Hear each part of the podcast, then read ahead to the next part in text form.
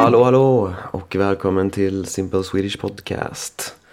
Jag heter Fredrik och eh, ja, idag eh, så vill jag prata om eh, en film som jag såg eh, häromdagen. Det är eh, David Attenboroughs eh, nya film eh, Life on this planet.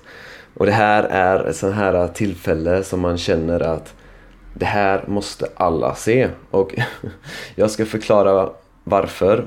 Um, först så vill jag tacka fem stycken eh, nya patrons. Det är ju väldigt kul när det är eh, många som vill stödja det här projektet. Jag blir väldigt glad. Så jag vill tacka er, Tadeusz Kobliska, Anna Dugic, Todd M. Anderson, Dragan och eh, Aurélie Vachon. Jag tror att det uttalas så. Det låter som ett eh, franskt namn så, men jag förlåt om jag uttalade det fel. Um, och ja, om det finns någon annan som vill stödja det här projektet, gå in på min hemsida swedishlinguist.com och eh, klicka er vidare till min Patreon-sida. Så ja, um, ja, som sagt, ibland ser man någonting eller läser någonting och känner att det här måste alla se eller det här måste alla läsa. Jag tror eh, senast det hände var när jag var klar med eh, Sapiens och även Life 3.0.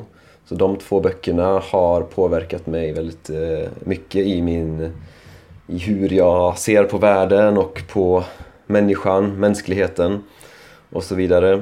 Och eh, den här filmen då, David Attenboroughs film eh, A Life on this Planet eh, den verkar först vara liksom en vanlig eh, film om eh, naturen och eh, hur människan förstör eh, planeten och sådana saker. Men, men grejen är att, jag vet inte, han han har eh, en sån tyngd den här mannen. Han, han är så viktig för eh, den här genren. Och han har upplevt så mycket. Så att han har ju en, en viss auktoritet på det här området. Och, så att, eh, och det känns som att man litar på honom. Alltså det han säger, det, det spelar roll. Det han säger, det, det, det känns viktigt. Och han känns också väldigt ärlig. Och eh, det, det, det jag uppskattar mycket är att, för grejen är att vanligtvis när, när man försöker, eh, när det finns ett eh, sånt här problem så blir det oftast antingen blir det liksom okej, okay, det här går åt helvete, det är desperat läge, allting kommer gå jätte, jätte dåligt. Och eh, det gör att man känner sig liksom hjälplös. Man, man känner att det finns ingenting man kan, man kan göra. Alltså till exempel, okej, okay, klimatet, det går åt helvete. Eh, ja, vi är, we're fucked, liksom. Så, och då känner man att, ja, man känner sig hjälplös. Man känner att man kan inte göra någonting, liksom. Eh, och sen det andra Ehm, perspektivet som finns är att nej, det där är bara fake news, det där det är ingenting som är, eh, liksom allting är okej. Okay. Det är klimat, klimatkrisen, det är, den, det är inte alls lika allvarligt som eh, vi, eh, vi tror och det finns ingen, man, vi behöver inte oroa oss liksom.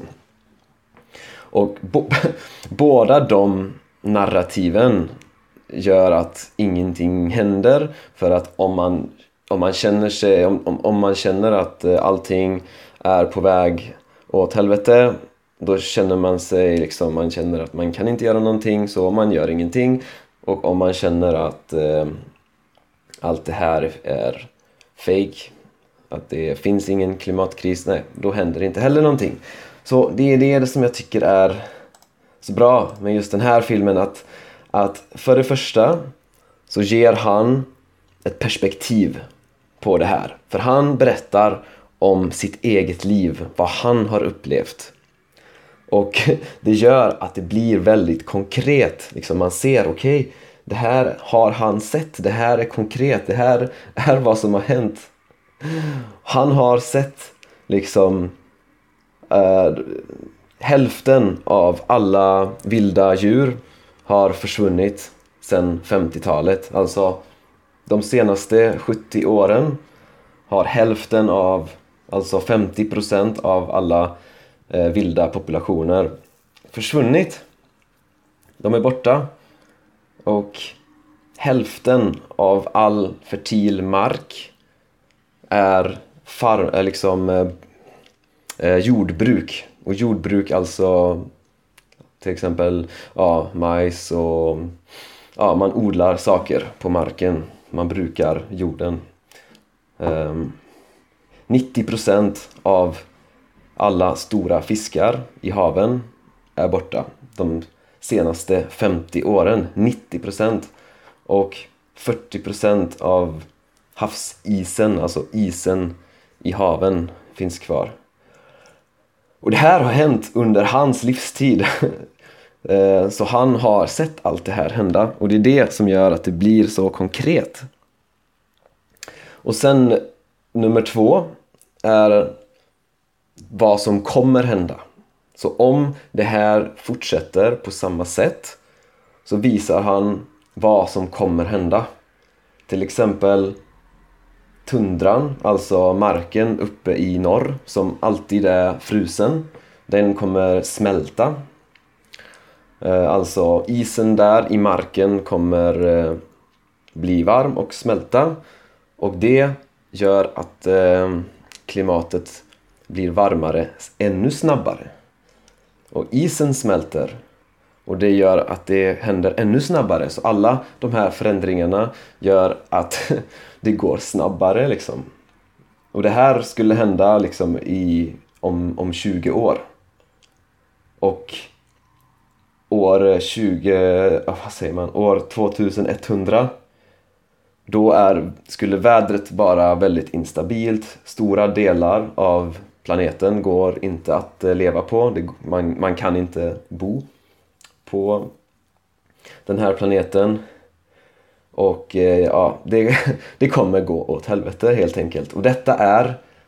Och det, så han, han berättade liksom som att eh, om, för en person som föds nu, det här är vad som kommer hända. Så han ser tillbaka på sitt liv. Okej, okay, det här har hänt och om vi inte gör någonting så kommer det här hända under nästa livstid. Så för en, en person som föds just nu och det blir så konkret och det, och det, känns, så, det känns så skrämmande. Och det som kan hända då är att man känner sig okej, okay, det finns inget vi kan göra, det här kommer gå åt helvete. Så att man försöker ignorera det för att det känns för jobbigt att eh, tänka på det. Så att därför är det mycket lättare att lyssna på människor som säger att eh, det här är fake news, klimatkrisen finns inte. Och det känns väldigt skönt att lyssna på de människorna. För att eh, då behöver man inte tänka på det här jobbiga som eh, kommer hända. Eh, men grejen är att i den här filmen så, så tar han upp konkreta exempel på vad som har, alltså på saker som, som människor har gjort som, är, som, kan vis, som visar att det, det, det är möjligt. Alltså, det går. Det går att, eh, att eh, göra någonting åt det här. Så tre punkter som är väldigt viktiga är att jordens befolkning inte växer så mycket mer. Eh, och det händer om... Eh, för att det, det som mest gör att eh, befolkningen slutar växa är att landet blir rikt. Att eh, folk har det bra liksom. Om du tittar på västvärlden och Japan, de rikaste delarna av världen. Där är det ingen befolkningsökning längre. Utan det händer bara, alltså ju fattigare länder, ju högre befolkningsökning ökning, så att befolkningen ökar snabbare. Och eh, sen är det då nummer två koldioxid i atmosfären och nummer tre alltså andelen vildmark som finns kvar. För att nu så är 50% av all fertil mark eh, jordbruk. Och den, så bara hälften av all vildmark, alltså vilda områden, uh, fertila områden finns kvar. Så det är de tre, tre punkterna och det har gjorts liksom grejer, till, till exempel um, runt um, Palau, en, um, det är en ö, önation. Uh, och där gjorde de så att en tredjedel av, av uh, områdena, alltså en tredjedel av områdena som man fiskar på, eh, den tredjedelen var skyddad. Så den, den fick man inte fiska på. Och bara genom att, ha, att skydda en tredjedel av vattnet som man fiskar i så lyckades man göra, alltså då lyckades man få ett hållbart fis fiske. Hållbart, alltså att man kunde fortsätta fiska på de två andra tredjedelarna och det var liksom hållbart. Alltså att en tredjedel var skyddad gjorde att man att eh, de fiskarna som var i den delen de, de blev tillräckligt många för att man skulle kunna fortsätta fiska på de två andra tredjedelarna. Alltså, om man har en tredjedel av, all, av eh, alla fiskebestånd, alla alltså alla populationer av fisk. En tredjedel är skyddade. Det gör att man kan fiska hållbart på alla andra fiskebestånd. Så sådana saker. Alltså, det finns eh, massa högteknologiska lösningar på saker, även för jordbruk. Han tar upp exempel från Holland där man, har, där man använder Eh, teknologi för att, uh, för, att, uh, håll, för att hålla på med jordbruk på, uh, på mycket mindre ytor, alltså som tar mycket mindre plats. Så det finns massa, massa saker som man kan göra. Det finns möjligheter. Till exempel om eh, hela världen skulle sluta äta kött så skulle man behöva, och då okej, okay, inte bara sluta äta kött utan sluta äta produkter som är, eh, man får av djur, till exempel kött, mjölk, ägg och så vidare. Så om hela världen slutar med det, då skulle man bara behöva hälften av all, eh, all jordbruksyta. Alltså hälften av all plats man behöver för jordbruk Alltså för att odla saker bara genom att sluta med eh, köttproduktion och eh, ja, håll, djurhållning. Så det, är, det finns ju massa saker som man kan göra och det är därför jag tycker det är eh, så bra. Alltså den här, den här typen av eh, filmer tycker jag är så viktiga för att eh, det visar dels vad som har hänt det visar vad som kommer hända och det gör detta väldigt konkret. Man förstår, okej okay, det är så här det är. Och det visar vad man faktiskt kan göra. Och jag tror verkligen, jag, jag tror verkligen på att eh, vi kan lösa det här. Vi måste lösa det här. Och eh, om alla verkligen förstår det här och känner sig inspirerade att eh, vilja lösa det här, då är jag helt säker på att eh, vi kan göra det. Så ja, det var det jag ville eh, prata om idag.